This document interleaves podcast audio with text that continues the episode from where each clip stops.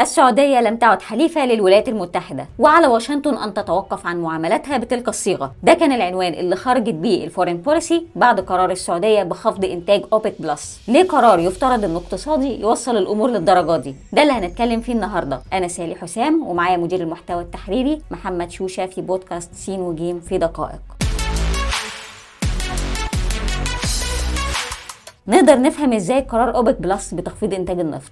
أوبك بلس يا سالي قررت إن هي محتاجة تدخل تخفيضات كبيرة على إنتاج ال- النفط. آه، ده معناه المباشر إن هو كبح للإمدادات في سوق أصلا بيعاني من آه، شح في المعروض بسبب الحرب اللي إحنا كلنا كلنا عارفينها في روسيا وأوكرانيا والعقوبات اللي اتفرضت بعدها من الغرب على موسكو. السعودية بتقول إن خفض الإنتاج هيوصل لتقريبا 2 مليون برميل يعني تقريبا 2% من إجمالي ال- الإمداد ال- العالمي. وهنا كان طبيعي جدا جدا إن يبدأ آه، اشتباك ما بين ال- الغرب من ناحية وأوبك من الناحية الثانية وطبعا السعودية هتبقى في الاشتباك ده ليها وضع خاص لأنها أكبر منتج في, في أوبك. وده الحقيقة ليه أكتر من سبب. هنقول إن بعضها سياسي وأكيد بعضها اقتصادي.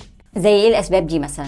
يعني بشكل عام كده ال- الغرب بيقول إن القرار اللي خدته الرياض في الموضوع ده كان مدفوع بشكل رئيسي بالتواطؤ مع روسيا في محاولة لرفع الأسعار. آه، لأنه هيجبر بايدن على ال- التفكير جديا في إنه ياخد آخر قرار كان يتمنى إن هو ياخده إن هو هيفرج عن شحنات أكبر من المخزون ال- ال- الاستراتيجي الأمريكي. وده غير إنه مخالف للي عايزه بايدن هو مخالف لكل الخطط السابقة وطبعا هيبقى ليه تأثير كبير على على السوق المحلي وعلى الاقتصاد الأمريكي وبالتبعية كمان على الاقتصاد العالمي. بيقولوا كمان إن القرار ال- اللي خدته أوبك بلس والسعودية بين قوسين بيعطل كل محاولات إن ال- العالم يتعامل مع الآثار السلبية اللي نتجت عن غزو أوكرانيا على الاقتصاد العالمي وخصوصا في أوروبا اللي طبعا إحنا متابعين إن إزاي الأسعار بتروح فيها لمستويات قياسية ومتوقع إن الأسعار دي تسوق بشكل أكبر بكتير كل ما الشتاء يقرب أكتر فأكتر. بشكل أكتر خصوصية بقى فالبيت الأبيض بيقول إن بايدن حاسس بخيبة أمل كبيرة. يعني الراجل في يوريو اللي فات كان رايح زيارة كل التحليلات أو معظم التحليلات اتكلمت إن هو ما كانش راغب فيها في الرياض عشان يحاول يقنعهم إن هم يوصلوا إن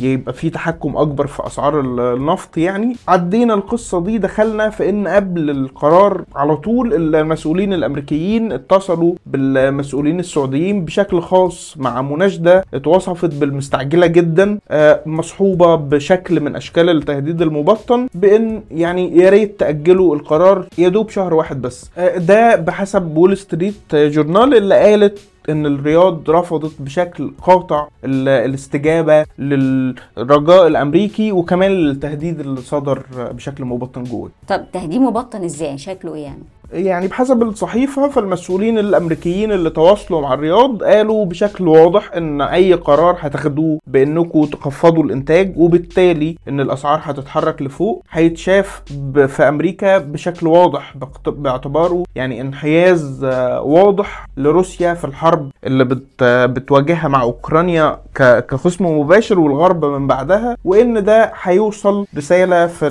ما بين صناع القرار الأمريكيين بإن الرياض بتاخد المفروض إن هي حليف يعني بتاخد انحياز مختلف وده هيتسبب في إنه يتقلص ال- الدعم الأمريكي لل- للسعودية اللي أصلا من البداية بيمر بفترة صعبة. طب واشمعنى الشهر بالذات يعني؟ يعني الصحيفة نفسها ومصادر تانية قالت إن السعودية شافت إنها مش هتكون طرف في مناورة سياسية داخلية بتلعبها إدارة بايدن عشان تقلص خسائر حزبه اللي هو الحزب الديمقراط في الانتخابات التجديد النصفي للكونجرس الأمريكي واللي قضايا زي ارتفاع الأسعار والتضخم بتلعب دور مهم جدا في الحملات الانتخابية اللي بتدور من خلالها. آه، الواقع بيقول إن شعبية بايدن والحزب بتاعه بتتراجع في وقت حساس جدا. آه، فالسعودية شافت إن هي حابة أنا مش هحشر نفسي في لعبة داخلية زي دي. وإن كان آه، طرف زي مجلس الامن ال- القومي الأمريكي مثلا بيقول الموضوع ملوش أي حسابات سياسية ومش مرتبط بالانتخابات لكن إدارة بايدن تدخلت أو طلبت ده عشان حساسية الوضع الاقتصادي العالمي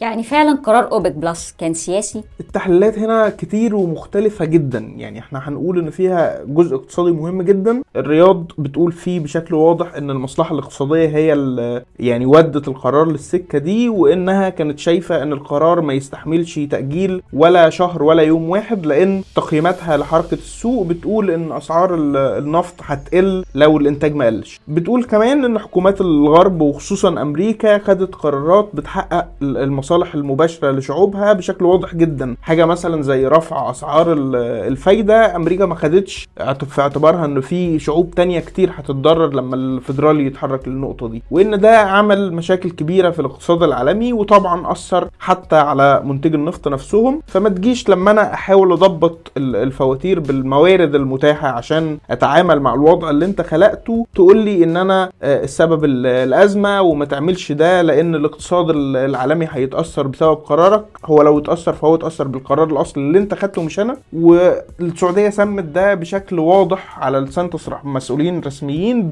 بين قوسين غطرسه الثروة. طيب إحنا كده اتكلمنا على الوضع الاقتصادي ال- ال- المطلق يعني. طب هل ده بيتداخل مع الوضع ال- السياسي ولا لأ؟ الموضوع ده هيفضل متعلق لأن دي طبيعة ال- السياسة عموما. كل طرف هيكون عنده حجج إن هو يحاول ينفي أو يحاول يثبت. لكن يعني هنروح لتحليل فورين بوليسي مثلا اللي إحنا بدأنا بيه ال- البودكاست. فهو بيوصف ال- القرار بلكمة سعودية لبايدن. آه، قال إن محللي النفط بيأكدوا بشكل واضح إن التخفيض كان مهم بشكل كبير مهم اقتصاديا. وإن مفيش أدنى شك في إن ال- الدافع الأساسي اللي ودى صناع القرار لل- للسكة دي كان الحفاظ على ارتفاع أسعار النفط والحفاظ على تماسك آه، أوبك عشان ياخدوا بالهم يعني تحسبا لمزيد من الانكماش الاقتصادي. بس في نفس التحليل قالوا إن القرار معناه إن ولي عهد السعودية محمد بن سلمان بيوجه رسالة واضحة لواشنطن إن هيعمل اللي هو عايزه سواء أمريكا قبلت أو اعترضت وإنه خد القرار مع إدراك كامل بإنه بيهدد موقف بايدن السياسي سواء جوه أمريكا أو براها وإنه أكثر تمسكا بعلاقاته القوية مع الرئيس الروسي فلاديمير بوتين بغض النظر إن ده يمكن يثير اعتراضات أمريكية أو يكون متماس بشكل سلبي مع المصالح الأمريكية مثلا.